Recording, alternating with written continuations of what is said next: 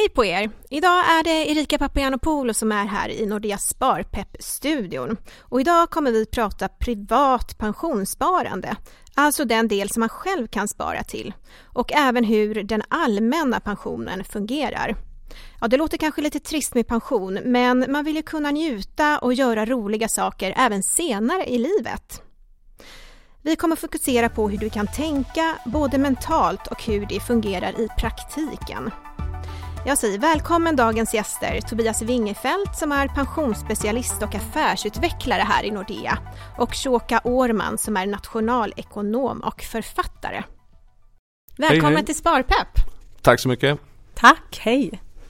Om man lyssnar på det här nu och inte har någon koll alls på pensionen, kan inte bara kort återge, för det är ju tre delar som det består av. Dels så är det ju som så om vi börjar i, i det grundläggande som alla som jobbar och betalar skatt i Sverige, då har vi den allmänna pensionen. Och där har vi inkomstpension och premiepension och det är det som dimper ner i brevlådan här i början på året i det orangea kuvertet. Och eh, de flesta eh, tror jag låter det där kuvertet ligga. Men väl värt att öppna för där får man ändå en, en tydlig bild av hur spargrisen fylls på och hur tanken är att spargrisen sen ska tömmas ut och hur mycket det ger. Så där har vi den allmänna pensionen. Tydligen är det bara en av fem som öppnar den. Eh, men sen säger inte siffrorna oss särskilt mycket. Jag tror att tar man sig en längre stund och försöker se på vilken del, det här är ju den största delen av pensionen vi har efter avtalspensionen. Eh, det är extremt viktigt att man ser på hur stor del den är men också faktiskt slänger en blick på vad man sparar i. Mm. Mm. Mm. Vi ska ju gå igenom den allmänna pensionen i, lite senare nästa. i avsnittet också mm. så då får ni berätta lite mer detaljer kring det, hur man kan tänka och så. Precis och nästa del i pyramiden blir ju den här avtalspensionen Eh, och där har vi ju helt andra regler eh, och, men fortfarande en väldigt stor och viktig del i det totala pensionssparandet. Absolut, för där är det ju som så också att beroende på hur mycket du tjänar så sätts det ju av olika mycket och, och det är relativt lika mellan avtalsområdena. Men sen är det som så att tjänar du över vissa brytpunkter så, så får du mer avsatt till tjänstepensionen och då blir det än viktigare att se till så att man har gjort rätt val för avtalspensionen. Och avtalspensionen är alltså den delen man får av sin arbetsgivare eller alla har inte den, men majoriteten av de som arbetar mm. idag har den delen. Så att det är två delar egentligen som man kan säga man får gratis, alltså både den den delen får från staten men faktiskt gratis är det inte såklart för att det är en del av din intjäning men det är de delar som faktiskt majoriteten av de personer man möter idag har. Så att det gäller som sagt att tillgodose det och se över vad man har där. Mm. Och sen kommer vi till tredje delen som är den privata delen som du själv har ansvar för och som faktiskt blir det som gör skillnaden mellan det här glappet mellan din lön idag och de här 60 eller mm. 65 procent som man beräknar vi kommer få ut då i pension när vi eh, går i pension då. Precis. Och det privata pensionssparandet blev ju än viktigare att prata om när det inte längre var ett privat pensionssparande. För i och med att avdragsrätten försvann för några år sedan så är det ju viktigare att man tar sin egen initiativ eller sitt mm. eget ansvar att spara på ja, till sin egen pension. Precis, och det är det vi kommer prata om här idag. Precis. I första delen av det här avsnittet. Ja. Men hur kan man tänka kring ett sparande som ska användas så pass långt fram i tiden? Man pratar ju ibland om någonting som heter mental bokföring. Precis, jag som pratar eh, väldigt mycket kring beteendeekonomi eh, pratar ju om just det här mentala bokföringen där vi egentligen delar upp våra pengar i olika fack och där vi också använder dem och utnyttjar och konsumerar dem på olika sätt då beroende på var i de här facken vi har placerat dem. Eh, och det vet vi att det inte är bra för ekonomin för att alla pengar är ju pengar fortfarande som kommer in och ska ut. När det kommer till pensionssparandet som vi ska prata om här nu under dagen så handlar ju extremt mycket om att försöka liksom offra någonting idag för att vårt jag i framtiden ska ha det bättre. Och där har vi ju faktiskt en begränsning i att kunna tänka så långt framåt i tiden. Eh, så att även om du och jag idag sitter och pratar om pensionssparande, många andra pratar om det och för många är det väldigt tydligt och klart att det är viktigt att pensionsspara så dyker det helt plötsligt upp andra saker längs med vägen som gör att det blir väldigt svårt helt plötsligt att inte lägga den här 500 på någonting annat utan faktiskt avsätta dem för ett pensionssparande. Intressant. Vad skulle du säga Tobias? Jag tror också det viktigaste är att man sätter upp för sig själv också att jag vet att den här slanten är någonting som jag inte ska röra även om den där perfekta solsemestern dyker upp eller den här jackan på rea eller vad det nu är för någonting. Att jag på ett tydligt sätt, lite som vi är inne på här, att kunna separera kapitalet och just kunna säga att ja, men jag vet att den där slanten den får, kan eller vill jag inte röra. Så att det är jätteviktigt att sätta upp en struktur också. Det behöver inte vara avancerat på något sätt utan bara att jag vet att det där är mina pensionspengar. Det där är det som jag ska ha för min framtida dröm. Jag tänker att vi kan komma in på lite hur man kan göra, hur man kan tänka kring en struktur kring, eller en plan kring sitt pensionssparande lite längre fram. Mm. Eh, men eh, när är det extra viktigt att spara till pensionen?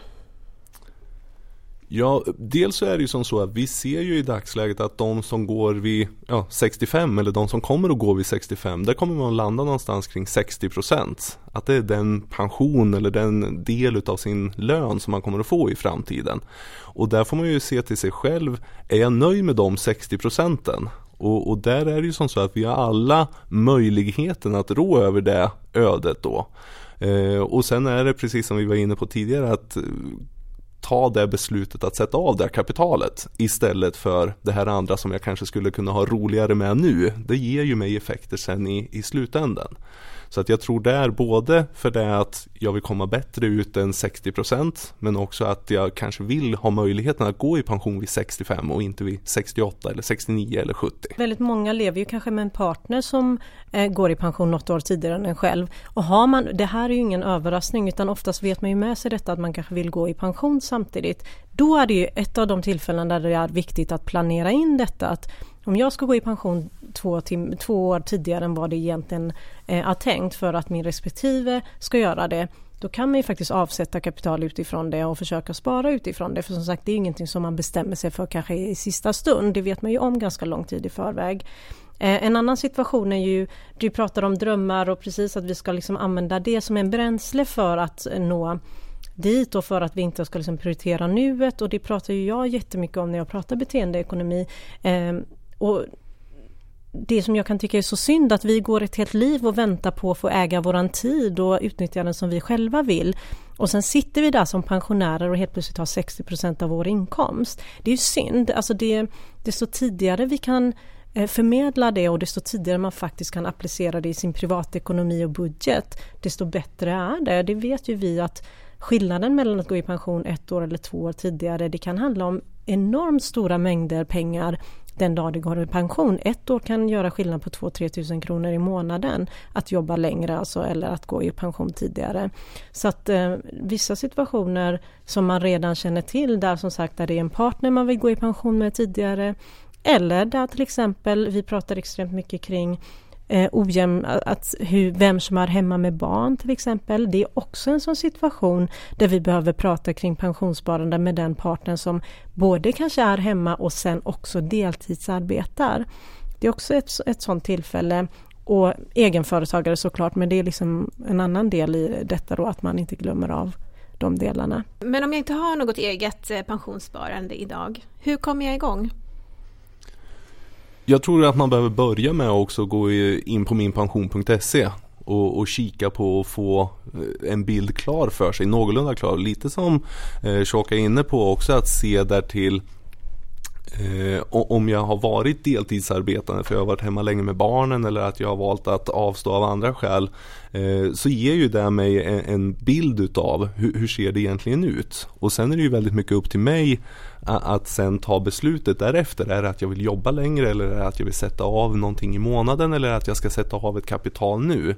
Sen kommer ju vi komma in på lite andra bitar också kanske sen senare där vi pratar kring vad man har för möjligheter sett mellan partners också.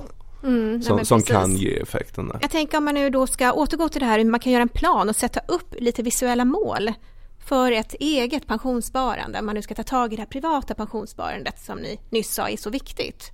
När vi pratar sparande eh, och långsiktigt sparande främst oavsett om det är liksom i generella termer eh, för att spara till sig en handpenning till en bostadsrätt eller om det är till någon stor resa eller för att gå ner i arbetstid eller i det här fallet en privat pensionssparande så handlar ju extremt mycket av Eh, av liksom vägen dit att sätta upp mål. Eh, små, små mål som vi faktiskt kan följa kontinuerligt och som blir långsiktiga mål är det som ger störst effekt. Så även när det kommer till sparandet. Så att ska du komma igång med ett pensionssparande privat så gäller det kanske att göra det så enkelt som faktiskt bara börja med, ett pension, med en månadssparande som sker vid varje månadsskifte där du alltså inte ser kapitalet, alltså inte har möjlighet att konsumera upp de här pengarna. Om det är 500 kronor, låt det dras det per automatik då till ditt sparande så fort lönen kommer in. Eh, sen, handlar ju, sen pratade ju vi det, om detta precis innan vi satte igång här med podden där jag tycker att vi ska kanske inte alltid prata i termer där vi använder ordet pensionssparande för då kanske det är svårt att få med sig våra, liksom, den yngre generationen. Utan se det som att ditt liv när du äntligen som sagt får, får liksom makten över all tid i världen att göra vad du har drömt om och vill. Tänk istället i termer av drömmar. Hur vill jag leva nästa skede av mitt liv? Det är inte så att vi blir pensionärer i samma form som vi tidigare har varit pensionärer. Vi är friskare än någonsin. Vi åldras och faktiskt eh, åldras så att vi lever längre än vad vi har gjort tidigare och att behöva göra det med hälften av den inkomst vi har idag.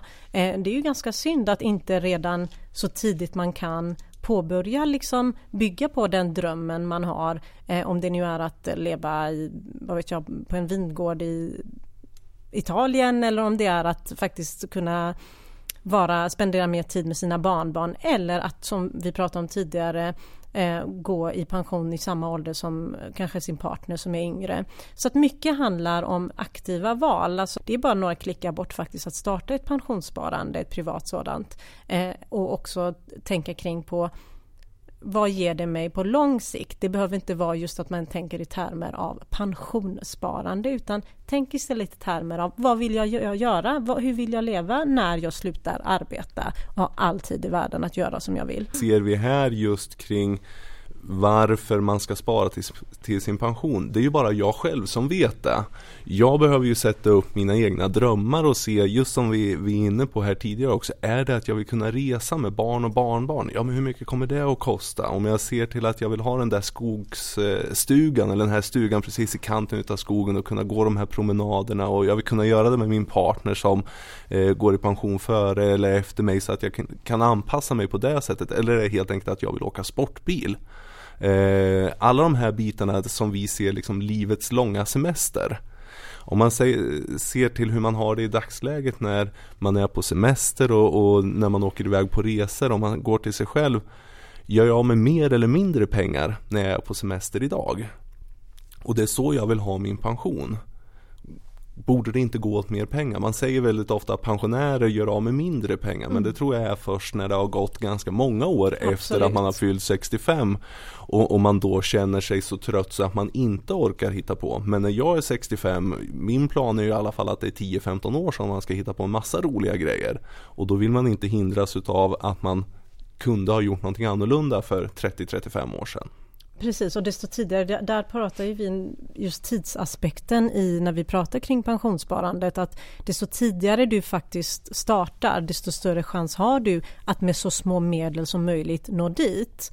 Eh, så att, ehm, att idag avstå att pensionsspara kanske när man pratar om, om pensionssparande med en yngre person för att man tycker att men, pensionen är så långt bort, se det inte som ett pensionssparande, se det istället hur du vill leva när du eh, som sagt har slutat arbeta. För som sagt med små medel, desto tidigare vi startar med den liksom avkastning man kan få, det blir rätt mycket pengar på 25, 30, 40 års tid. Jag vet att du Tobias har ett väldigt bra exempel från din, eh, är det din morfar som du pratade om tidigare? Nej, men det jag brukar säga kring min morfar när jag har åkt runt och utbildat kring det här med pension det, Vi kommer ju tillbaka lite till det just med att nu man i regering och riksdag har pratat om att man ska försena eller att man ska skjuta fram då på pensionsåldern så att det tidigaste året som man kan ta ut sin pension till skillnad från i dagsläget som är 61 och vad det gäller den allmänna pensionen, den här delen som vi började prata om, av de tre delarna. Exakt, det orangea mm. kuvertet. Mm. Att det har man tidigare kunnat plocka ut från 61, nu pratar man om att man ska försena det till 62. Och alltihop handlar ju om att ja, det stora problemet får man väl säga, det är ju att vi lever ju mycket längre nu än vad vi har gjort tidigare. Eh, och det är ju såklart inget problem utan det är ju jättebra att det är på det sättet. Men tar vi min, mor, min morfar då som började jobba när han var 13 och sen jobbade tills han var 65 för det gjorde den generationen att det var så man gjorde. Så fanns ju han till arbetsmarknadens förfogande i drygt 50 år. Eh, det är lite men, skillnad mot idag. Ja, idag då är det ju du ska upptäcka dig själv, du ska mm. utbilda dig, du ska resa och sen är du redo att börja jobba när du är 30 Precis. eller närmare 30 och sen vill man helst eh, kunna sluta jobba då när man är 60. Mm. Och då gick vi helt plötsligt ifrån dryga 50 år till 30 år. Men de här pengarna där vi betalar in i dagsläget genom vår skatt, det går ju till dagens pensionärer. Vi blir ju färre som helt plötsligt ska liksom försörja fler och fler. Och det är precis dit vi kommer med den nya generationen och med ytterligare generationer som ska faktiskt försörja fler och fler mm, som du säger mm, som mm. faktiskt åldras eh, längre. Ja. Ja, så vi bidrar under en kortare tid men vi utnyttjar under en längre tid. Och det är såklart eh, anledningen till att man också ser över då att man ja, skjuter på den tiden att eh, 61 går till 62 år istället. Sen pratade ju vi tidigare om när är det extra viktigt att tänka på pensionen.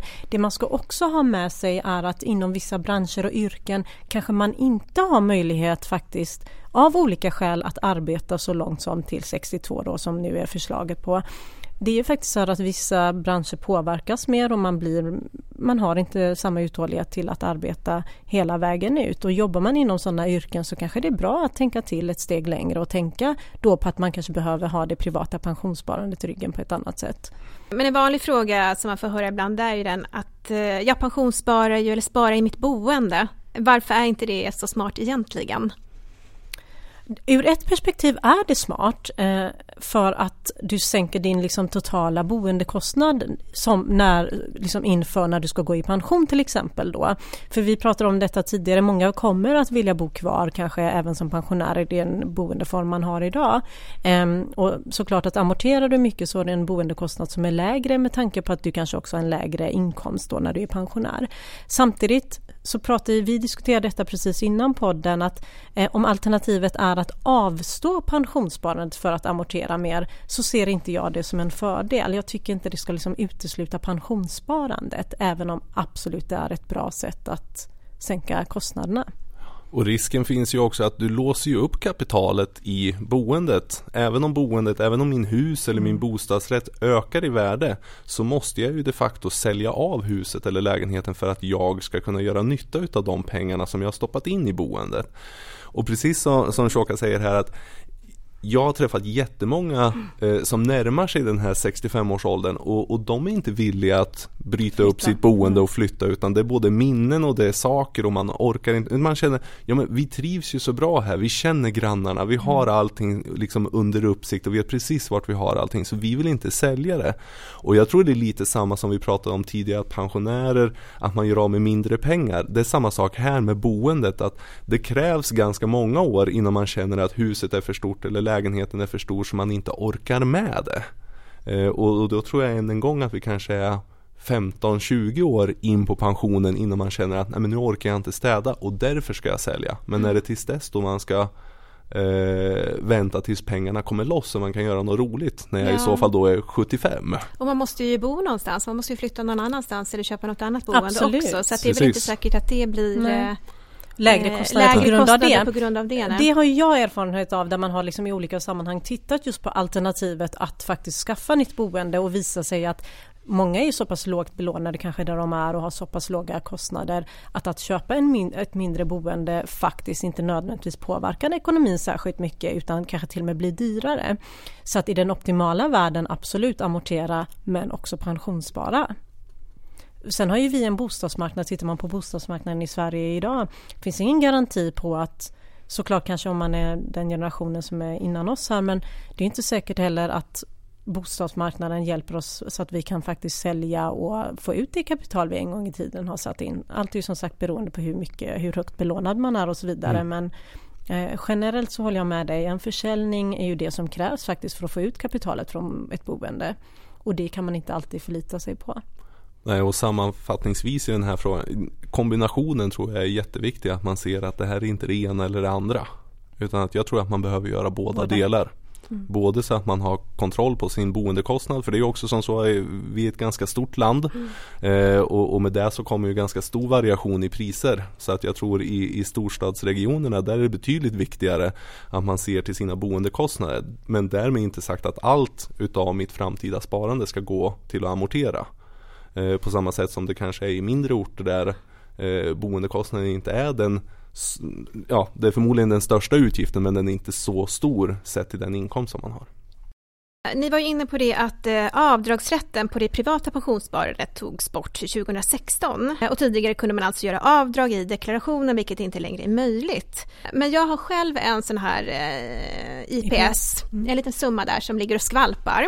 Kan man göra ett återköp? Ja, Hur går det här till? är lite olika. Så att eh, om, vi säger det som man öppnade upp efter att avdragsrätten försvann, det var just att man kan göra ett återköp sett till ett prisbasbelopp. Och prisbasbeloppet då, det är det här som är inflationsjusterat. Så det är ett belopp som man tar fram varje år. Som man använder i massor med olika beräkningar och, och där man då säger att det här är inflations anpassat. Så även om inflationen går upp eller går ner så ska det vara belopp som är representabla för, från år till år. Eh, och som det ser ut för 2019 då så är det 46,5 som är ett sånt här prisbasbelopp då, så 46 500 kronor. Och har man mindre än det i sitt pensionssparande, då kan man återköpa det utan att Skatteverket behöver ge sitt medgivande. Så då kan man ta kontakt med sin bank eller med sitt försäkringsbolag och så hjälper de till att återköpa den. Eh, är det mer pengar än 46,5 då behöver man ha särskilda skäl för att få återköpa. Och då är det mer eller mindre att man ska vara på obestånd eller att eh, ja, man ska Precis, sitta pyrt till helt ja, enkelt. Okay. Så att, eh, mm, så att mm. eh, den är inte en fråga som man vill driva på det sättet utan då, då har man tyvärr hamnat där eh, av ja, mer olyckliga skäl. Okej. Okay. Eh, men många tänker nog att man måste spara pengar på ett vanligt konto, men det är inte riktigt det som vi eh, ja, pratar om, utan eh, men varför ska man investera dem? Och hur ska man tänka för att få mer avkastning på, det vi på ser, sikt? Nej men precis, för det vi ser är ju generellt att svenskarna förlorar otroligt mycket pengar genom att ha pengar ståendes på sparkonton. En klassisk grej som jag möter väldigt ofta, eller mötte när jag satt mycket med rådgivning, är ju att man, man har, vi pratar extremt ofta om att folk saknar buffertsparande men min uppfattning är att och erfarenhet att de som faktiskt har ett buffertsparande har oftast en alldeles för stor summa som står på ett nollräntekonto. Och svenskarna förlorar enorma mängder i avkastning eh, den vägen. Ehm, och ska vi, när vi pratar om långsiktigt sparande som vi i detta fallet gör när det kommer till pensionssparande, då vill vi ju ha avkastning på våra pengar. Och när vi pratar då i det här fallet då, hur ska jag komma igång med ett privat pensionssparande? Och i vilka former finns det? Och hur kan vi spara? Så är det en investeringssparkonto eller en kapitalförsäkring som egentligen de två alternativen som finns. Och där pratade vi om detta tidigare innan podden att jag gillar just det namnet vi har på våran eh, vårat konto här i Nordea, Framtidskapital. Eh, du kanske vill prata mer eh, och mm. förklara? Ja, våran kapitalförsäkring där är framtidskapital. Och, och, precis som ni är inne på att både framtidskapital eller kapitalförsäkring och ISK fungerar ju för det långsiktiga. Men det vi på Nordea ser då det är att kostnaden för de här två den är lika. Så att det är ingen avgift för vare sig ISK eller framtidskapital då, som vår kapitalförsäkring heter. Men det fina med framtidskapital det är dels så eh, har du pengarna så att det här vi var inne på tidigare, de är lite svårare att ta ut på sekunden. Så att här får man vänta några dagar och det kan vara tillräckligt för att komma på att ja men jag kanske inte ska Absolut, åka på resa för den här pengen eller den där jackan. Jag kanske mm. faktiskt inte behövde mm. ha den just nu. Så där har vi den ena biten.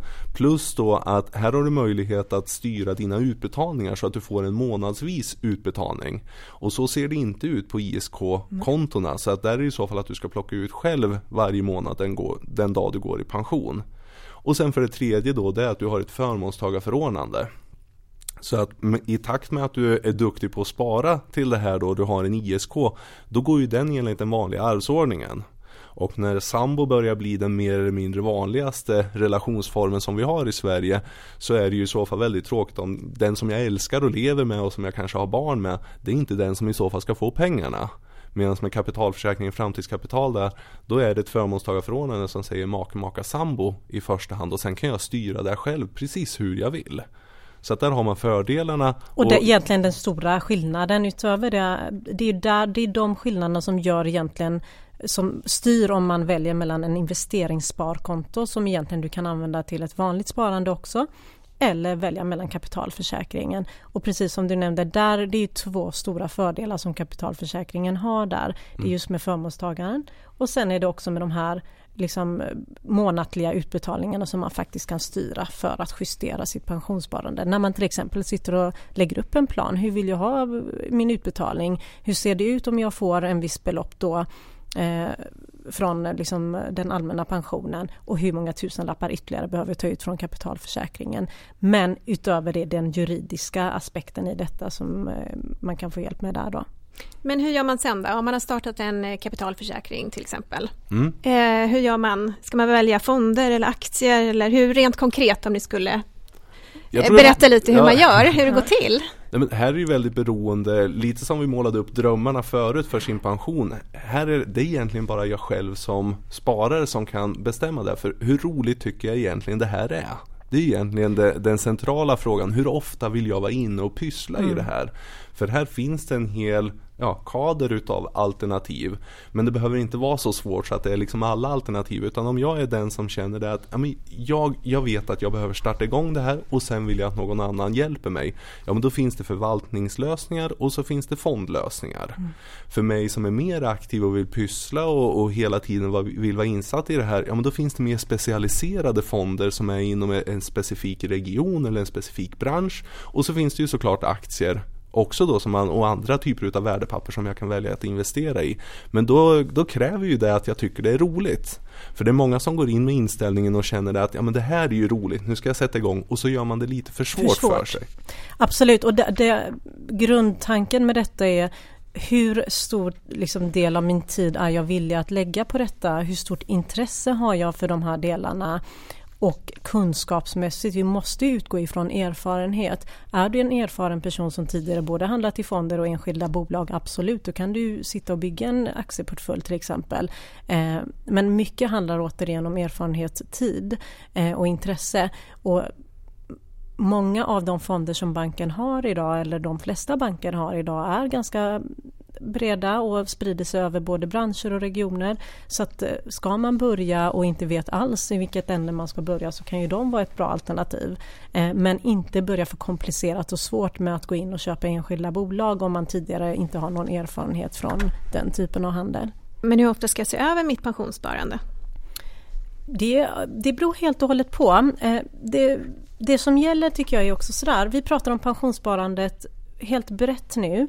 Eh, du behöver ta hänsyn till olika aspekter av detta beroende på om du precis har kommit ut i arbetslivet, det är första gången du börjar få in en lön.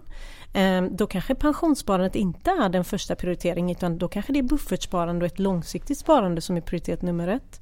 Pratar vi om någon som kanske har en högre lön men under många år har avstått att spara för att man har kanske köpt hus, man har familj och barn, man har köpt bil och det har liksom varit mycket kring de delarna, då kanske det är dags att faktiskt sätta sig och kommande åren gå igenom det en gång om året. Och pratar vi någonstans där mittemellan så kanske det inte krävs att man går igenom det så ofta om man har varit och fått en liksom bra placering. För här pratar vi om långsiktighet och förhoppningsvis har man ju byggt upp en portfölj som ska hålla många år framöver och pratar vi kanske att man börjar närma sig pensionsåldern, ja då, är det, då kanske man behöver mer ofta titta över pensionssparandet eh, och också tänka om. Har vi tänkt om? Är det något som har förändrats? Eh, hur många år till har vi kvar till pensionen?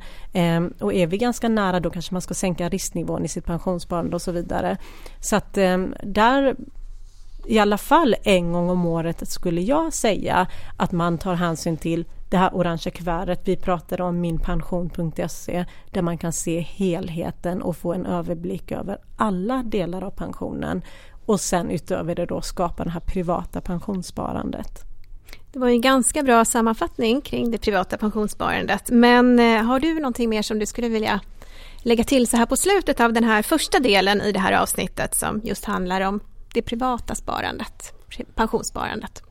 Men jag tror att man behöver bygga upp än en gång den här bilden för sig själv. Drömmer jag om solstolen eller drömmer jag om sommarstugan och, och just se till, för att jag ska kunna nå mina drömmars mål, ja men då, då krävs det nog, eller då, då vill jag själv faktiskt eh, göra det här lilla extra som krävs i vardagen. Och också att man tar med sig att det ska inte bara vara till 65 utan jag ska även under några år faktiskt ha roligt med de här pengarna. Så, för det är många som per ja, standard sätter upp fem år att det är så länge det ska utbetalas. Men man behöver ju tänka i längre eh, takten så. Vi pratade om den här åldrande ja, generationen och vi har ju den första 200-åringen när vi är född eh, ska jag ha hört där. Så att eh, pengarna ja. ska ju räcka länge. Ja. Så att eh, kom ihåg det att dels det här med att eh, 60% räcker det för att jag ska kunna uppnå mina drömmar och, och sen att det ska räcka en liten tid. Och det här är ju inte för att skrämma upp någon utan mer att liksom se framför sig att ja men är jag nöjd med den tillvaro som jag drömmer mig fram till, ja men då är det fine. Men är jag inte det, ja men då, då får man ju helt enkelt börja. Medvetenhet och medvetna val helt enkelt. Precis. Då tänkte jag att vi skulle gå över till eh, prata lite mer om den allmänna pensionen. Eh, det här orangea kuvertet eh, landar väl snart hemma hos oss i våra brevlådor. Har ni fått era? Inte än. Inte än? Nej, du då Shoka? Nej, jag har faktiskt inte fått min heller. Men Nej, vad jag, jag förstod det som så kan man faktiskt ändra så att man inte får det hem i brevlådan längre utan många som har den här digitala, digitala brevlådan, brevlådan får faktiskt ja. Eh, den där. Eh, och jag, tips. Ja men precis, så det kan ju vara ett bra tips om man om det ger en mindre ångest för det är det som faktiskt pensionen är förknippat med för många och det är därför vi oftast skjuter upp det. Liksom, pensionssparandet är det bästa exemplet på mm. uppskjuta beteendet när man tittar på hur vi beter oss i ekonomiska situationer. Mm. Men det här orangea kuvertet, det är ju en del som inte tittar i det. Men där kan man alltså se, eh, få besked om sin inkomstpension och premiepension. Stämmer det? Ja. Som dras direkt ifrån skatten. Precis. Så att här har vi ju i så fall, baserat på min lön, så är det 18,5% mm. som dras då till det här pensionssystemet. 16% går till sånt som jag inte själv får röra, som mm. då är den här inkomstpensionen som du nämnde. Och sen är det 2,5% som går till premiepensionen. Och det är ju där man har fått välja, eller man får välja mm, vilka fonder som man i så fall ska placera det ja. i. För där är det ju så här att alla former av inkomster ger dig rätten till den här det pensionssparandet som du ser när du öppnar ditt orangea kuvert. Då kan vi väl tillägga det som man betalar skatt på, eller hur? Precis. Så det kan vara bra att känna till mm. även om man inte liksom bara har in en lön. Och här är det också, kan vi ju tillägga också att tjänar du mer än ett visst belopp då, och nu går vi från prisbasbeloppet som vi pratade om tidigare till att nu vara på inkomstbasbelopp och då är det på drygt 43 000. Tjänar du mer än 43 000 mm. då sätts det inte av mer till det här orangea kuvertet utan det finns en topp på det hur mycket du kan sätta av. Men istället så är det som så att din arbetsgivare, eller för det mesta i alla fall, så är det kollektivavtalen och, och tjänstepensionerna som kompenserar för det så att du får mer avsättning så att du ska ju inte tappa på att du tjänar mer än en viss belopp utan tjänar du mer då får du mer till din avtals och tjänstepension istället. Är det något mer som är viktigt att tänka på vad det gäller den allmänna pensionen? Alla inkomster räknas sett till att du betalar skatt. Absolut. För här är det jätteviktigt. Jag tror att det är väldigt många som eh, är, ja, jobbar på egen hand eller att man har en viss kunskap eller en viss skicklighet som kanske gör någonting vid sidan om. Och, och där är det ju jätteviktigt hur mycket av den ja, inkomst som jag har till vardags. Det är kanske är jätteskönt att ha de slantarna så att man kan göra någonting roligt om, om vardagarna. Men då är det ju väldigt viktigt att komma ihåg vad är det egentligen jag försakar i så fall om jag gör på det sättet. För om jag istället då redovisar en inkomst som är väldigt mycket lägre än det jag vill ha pension för, då ger det effekter även sen senare. Så att det där med eh, skatten, den är häftig ändå som det ja. var några politiker som sa. Ja men absolut och det är, det är det man brukar säga liksom, ja men arbeta inte svart, börja arbeta så tidigt som möjligt och jobba så länge som möjligt. Det är liksom grundprinciperna i egentligen hur du snabbast möjligast får bästa pensionen och ger den bästa chansen faktiskt. Mm. Mm. Men behöver man göra ett aktivt val? Alla kanske inte har full koll på hur man gör.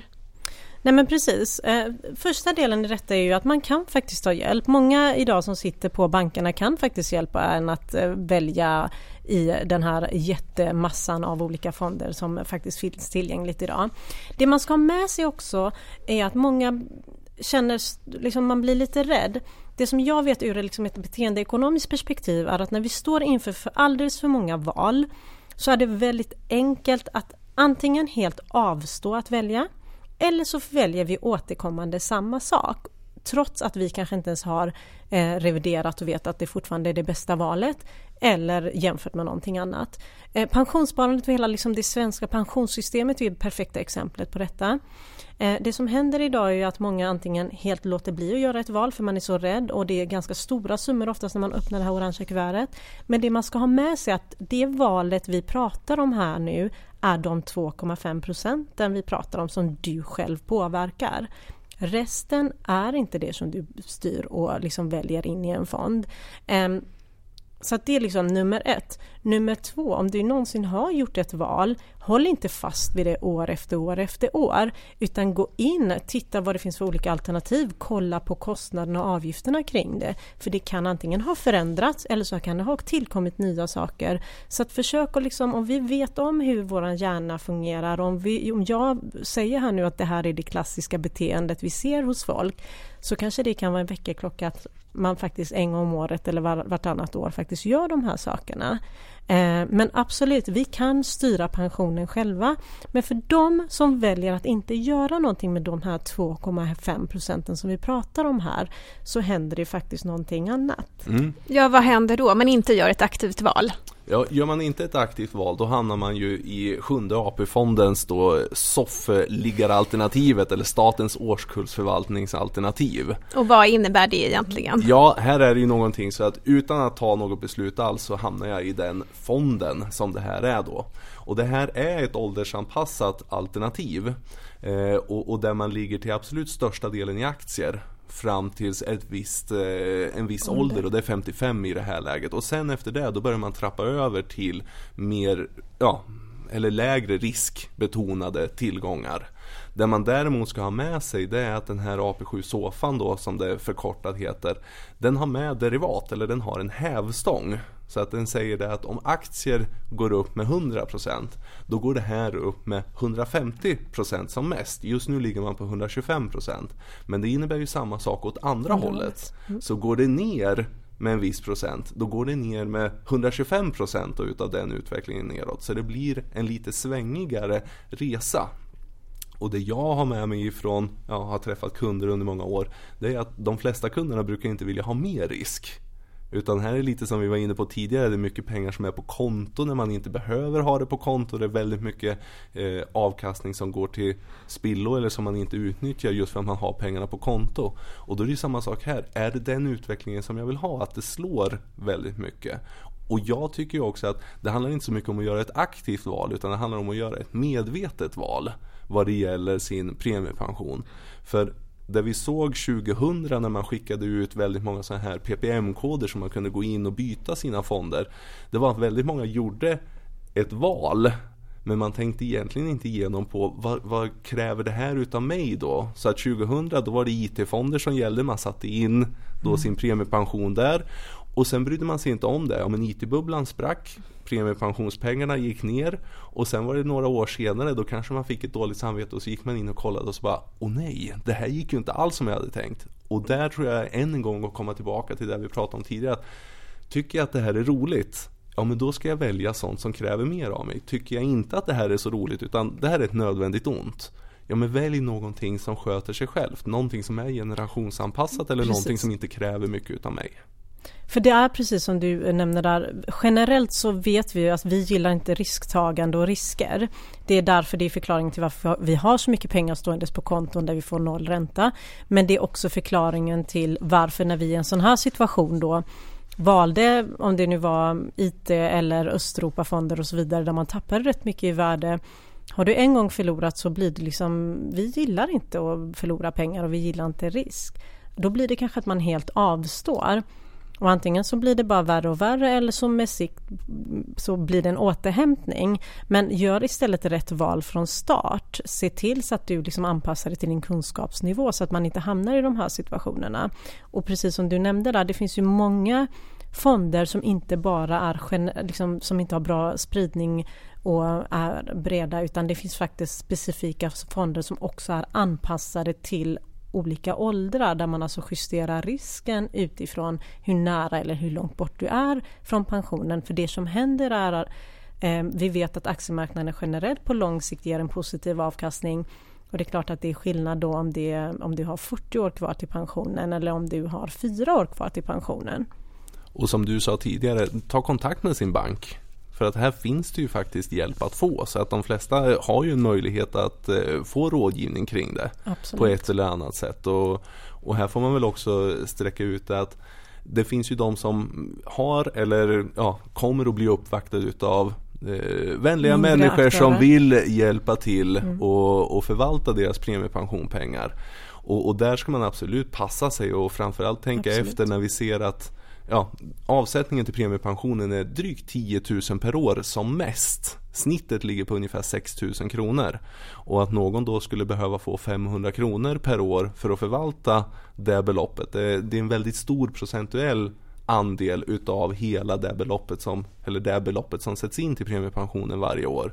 Så att eh, ta hellre hjälp av din bank eller försäkringsbolag mm. snarare än att eh, nappa på det här telefonsamtalet som kommer ifrån någon man inte har pratat med mm. tidigare. För där är det precis som vi pratar om här. Jag pratade tidigare om att vi oftast när vi har gjort ett val att vi blir liksom antingen lata eller har liksom eh, utbudet blir för stort och då avstår vi att göra nya val. Och då kan man tycka att det kanske inte gör så stor skillnad när det är procentuellt så, så liten skillnad mellan de två olika fondavgifterna och så vidare eller förvaltningskostnaderna. Men det blir det på de här pengarna på, väl, på så många år som vi faktiskt pratar om så blir den här 500 till någon som ska hjälpa dig eller de här även små skillnaderna i en fondavgift ganska stora. Det äter upp stora delar av ett kapital på både de beloppen som det ändå handlar om när det kommer till eh, den här stora delen av pensionen. Det kan handla om 500-600 000, kan handla om hur mycket pengar som helst. Så att tänk till en extra gång. Välj enkelt i så fall om man inte har kunskapsnivån. Men se till också att sätta det in i kostnaderna runt omkring de olika fonderna man väljer. Jag tänker om man har eh, jobbat deltid till exempel eller varit föräldraledig. Eh, hur ska man tänka då? Kan man föra över pensionsrätter till sin respektive? Mm, det kan man göra och precis som du är inne på att det kanske är den ena eller den andra partnern då som har varit hemma just med barnen och att man har under flera år ja, pausat sitt yrkesliv mm. till fördel för den andra partnern. Och då har man möjlighet att eh, ja, överföra mina premiepensionsrätter till den andra partnern. Däremot så ska man ha med sig, det är ingen stor grej egentligen, men det är 6% avdrag så man får 94% utav det beloppet som är den premiepensionen som min make eller maka eller min partner har tjänat in. Det är det som den mottagande partnern får. Och det har att göra med att sett historiskt så är det oftast att det är från mannen till kvinnan mm. som det har gått. Och kvinnor lever statistiskt sett längre. längre. Så att det är därför ja, det blir den här mindre delen. För det, mm. det, har med arvsvinster och sånt att göra. Men det är absolut ingenting som jag tycker ska fälla avgörandet om man gör det eller inte. Utan det är bara Det är fullt möjligt och, och, det går att läsa mer om på Pensionsmyndigheten om hur man i så fall flyttar över. Men fullt möjligt och ett schysst sätt att, att göra det på. När man... Absolut. Och väldigt bra alternativ och jag tror att det är väldigt få som känner till det. Jag tror att det är väldigt viktigt att vi nämner det här och precis som du säger det finns information om det på Pensionsmyndighetens hemsida. Eh, och detta är ju ett alternativ. Alternativ nummer två är ju faktiskt oftast är det ju samma person kanske som både har varit föräldraledig och är den personen som under många års tid väljer att deltidsarbeta. Mm. Ett alternativ är att man sätter upp ett separat pensionssparande även under de åren för den här personen eh, så att man faktiskt kan avsätta extra pengar. Det som kan, det som, jag har precis skrivit en bok tillsammans med en jurist och då blir det liksom att man är så medveten om de här delarna men en viktig del sen i detta blir att man liksom bygger upp den och att man har den som kanske en enskild egendom då så att det inte blir att det följer med till exempel via en skilsmässa eller separation och där den här personen i slutändan ändå blir av med den här liksom pensionssparandet som man har sagt upp sig till exempel för kvinnan då. Så att eh, man har med sig även det men det finns olika sätt att påverka även om det handlar om eh, din respektive om det är sjukskrivningar eller om det kan handla om deltidsarbete. Ja, sen har vi det här med efterlevande skydd också. Så att eh, dels med pensionsrätten att du kan flytta över det till din partner. Men sen är det också med efterlevande skyddet. Det är ju det som styr då ifall det otänkbara inträffar. Så ifall jag går bort finns det då ett kapital som går över till den efterlevande. Och det här är ju en form av försäkring och det kan jag ju lägga till även för den allmänna pensionen då, eller för premiepensionsdelen här så att min, min partner då som Eh, ska fortsätta leva, att han eller hon får det kapitalet som finns där. Och det här är en försäkring så det är någonting som dras ifrån beloppet hela tiden. Så man ska ju också vara medveten om att ifall jag inte har behov av det här och det kan ju vara dels att jag är ensamstående men sen kan det ju också vara som så att min partner helt enkelt ja, fullt, inte har det behovet helt nej, enkelt på sikt. Mm. Fullt eh, kapabel att mm. eh, ja, leva för, för sitt eget kapital. Ja men då behöver man ju inte ha efterlevandeskyddet. Så det för det minskar ju, precis som du nämnde där, det totala vad man själv ja. får ut sen. Så det är viktigt att man inte har de här och sen kan ju situationerna förändra sig i livet också där man kanske skiljer sig eller liksom precis som du säger det sker en förändring där partnern inte behöver det längre. Det är viktigt. Kanske när man har större barn brukar många ta bort den mm. så att partnern inte får det längre och så vidare. Så att det är jättebra skydd att ha men det är också viktigt att man vet varför man har den. Mm. Och när du också nämner barn ska vi nämna efterlevande pensionen också. För där är ju någonting som vi har som eh, Eh, uppdelat i tre delar. Så om det är som så att jag avlider och så har jag barn som är yngre än 20 så är det här eh, ett komplement eller någonting som kommer som ett extra bidrag som är då barnpensionen, en del utav efterlevnadspensionen. Sen har vi eh, omställningspensionen som man kan få om man är under 65 när ens partner avlider som då blir den här ja, omställningspensionen precis som namnet säger då en omställningsfas. Eh, och sen har vi änkepensionen. Och det är ju någonting som, på samma sätt som det här med pensionsrätter, det är någonting som skapades för de som är gifta före 1989. Så det är det äldre gardet. Eh, men där är det i alla fall som så att den änkepensionen täcker upp då för, ja, och det är bara för kvinnor. Och det är ju just för den generationen då där, där kvinnorna kanske inte hade möjlighet att, att jobba i lika stor utsträckning och att man får det ekonomiska stödet ifall min make då avlider åter till det orangea kuvertet som inte så många öppnar. Men om man öppnar det, lite kort bara, vad är det man ska titta på där egentligen? Det innehåller ju så mycket information. Mm. Eh, jag tycker först man ska titta på ja, hur mycket är det egentligen som har samlats ihop här. Inte för att det kanske för ett kuvert gör så stor skillnad men om jag börjar spara lite på kuverten eller jag håller koll på de här siffrorna så kan jag se hur mycket som faktiskt skjuts till. Och sen brukar man ju ha den här uttömmande spargrisen som just visar på hur mycket är det egentligen jag kommer att få mm. ifrån den allmänna pensionen. För där ser du ju dels hur mycket pengar som har förts in och sen hur mycket kommer det här faktiskt att ge mig i slutändan. Och det brukar vara uppdelat på två sidor där. Och sen precis som Shoka varit inne på tidigare också, kolla över vad är det för fonder jag har? Och sen också vilka avgifter är det egentligen som är förknippat till det? För inom det här premiepensionssystemet, där är fonderna väldigt eh, hårt rabatterade. Så att det ska absolut inte vara höga avgifter. Och vad skulle du säga är en hög avgift i, i det här läget?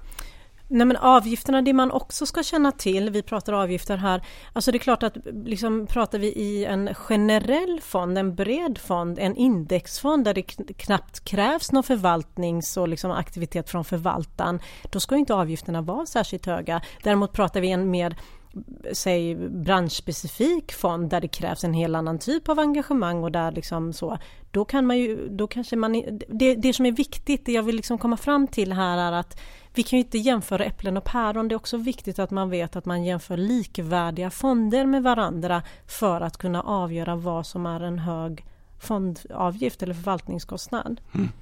Jättebra. Ja, och jag, jag tror att man eh, framförallt ska tänka på och jämföra om jag ser bland de olika fonder som jag kanske har eller kolla på den här eh, AP7 Sofan då, mm. den, den som var soffligare alternativet. Vad har den för avgift i så fall om jag kikar? Och, om jag går in, för det, det tycker vi ändå man ska göra, gå in och kika på minpension.se. Vad finns det för alternativ och jämför lite där. Så att det inte är uppåt väggarna. Och det är precis som du är inne på, det var ju taskigt av mig att fråga, men det, det, är svårt att sätta en siffra på exakt vad som är en hög avgift. Men det finns väldigt mycket generationsfonder och blandfonder. Mm. De kostar mindre än en halv procent. Så att man ändå ställer i jämförelse då att det, Går man över någonstans 0,8 någonting, alltså då får ja. man ju börja fundera på om det är någon specifik bransch eller om det kräver mer av förvaltaren för att man ska kunna få liksom betalt för ehm, ja, men för de pengar och den avgift man betalar in. Eh, en annan del i detta är ju också att Många pratar om att men, eh, jag har ingen aning, men välj lite utifrån vad du tror på. Tror du på hållbarhet? Men välj hållbara fonder i eh, en del av... Det som man ska känna till här är ju också att man kan faktiskt dela upp procentuellt. Man kan placera... Vi pratar inte bara att du kan välja en fond. Om du tror på Östeuropa eller IT eller vad det kan vara så kan du fortfarande välja att procentuellt dela upp de här pengarna i ett visst antal fonder. Så att du kan välja hållbara fonder om det är det du tror att eh, det är där avkastningen ligger framöver. Du kan också välja att placera i Sverige om du tror att svenska ekonomin kommer att liksom blomstra. Så att där är ju också en annan aspekt som är lite mer detaljstyrt. Men generellt när du öppnar det här orangea kuvertet det blir ju egentligen vårt riktmärke på hur när vi har den informationen i handen och vi också kan addera till då avtalspensionen, alltså den delen som din arbetsgivare har, liksom, ja, som du får via arbetsgivaren. Där har du ju den bästa indikationen på hur mycket privat pensionssparande du behöver ha. För det är också en klassisk fråga som man får ofta, det kan jag tänka mig att du också får. Hur mycket behöver jag spara? Ja, det beror helt och hållet på nummer ett hur du vill leva som sagt, vad du har för inkomst idag men också hur stor de andra delarna är. Det är liksom den indikatorn för hur mycket privat pensionssparande du behöver ha. Och orangea kuvertet och de siffrorna vi ser där, det är ju den största delen. Så att allt ovanför den är det ju bara att bygga vidare på sen det privata utifrån hur stor inkomst du vill ha sen som pensionär. Ja, och, och, ta det orangea kuvertet som en påminnelse att ja, men, kika in på minpension.se och kolla just på de här bitarna för då får du en bra totalbild. Precis. Så att du slipper sitta och pussla med papper bredvid varandra och att du kanske får någon kontrolluppgift ifrån din arbetsgivare. arbetsgivare. Och, och, en gammal arbetsgivare och en ny och någon liten ja. del här. Medan på minpension.se där får du allting samlat på ett mycket tydligt eh, sätt jämfört Absolut. med hur det har varit tidigare och sen finns det alla möjligheter då att bilda sig en uppfattning om ja, hur mycket mer eh, behöver jag ha när jag väl ska gå i pension. Och där kan du också styra, du kan liksom justera med olika knappar. Hur ser det ut om jag går i pension vid 61 i förhållande till 65 eller 68? Eh, hur stort belopp blir det? Alla de här delarna använd det. Det behöver inte vara så stor press. Bara gör någonting, bara du ökar din medvetenhet och bara du tar liksom den här lilla tiden. Vi lägger så otroligt mycket tid och engagemang i andra typer av val vi gör i vår vardag och sen struntar vi i en sån viktig sak som pensionssparande bara för att det är skrämmande eller ångestladdat eller man tror att eh, det löser sig av sig självt. Men det gör det inte utan det är det det hela handlar om. Att skapa ett litet intresse så kommer antagligen intresset att öka på sikt. Vi har ganska bra information, eller väldigt bra information på våran nordea.se. Mm. Om man söker på pension där. Ja precis, för att där finns det ju beskrivning om dels ja, de här olika delarna som vi pratar om, på vilka sätt som man kan spara.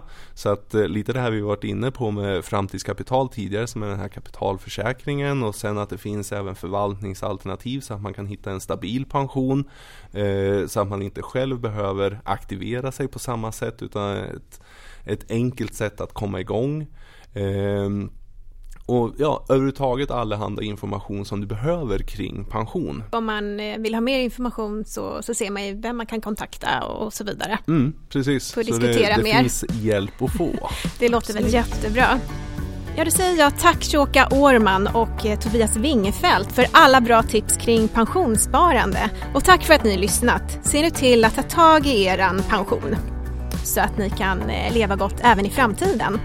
Och har ni frågor eller funderingar så mejla gärna oss på sparpepp.nordea.se. Vi hörs snart igen.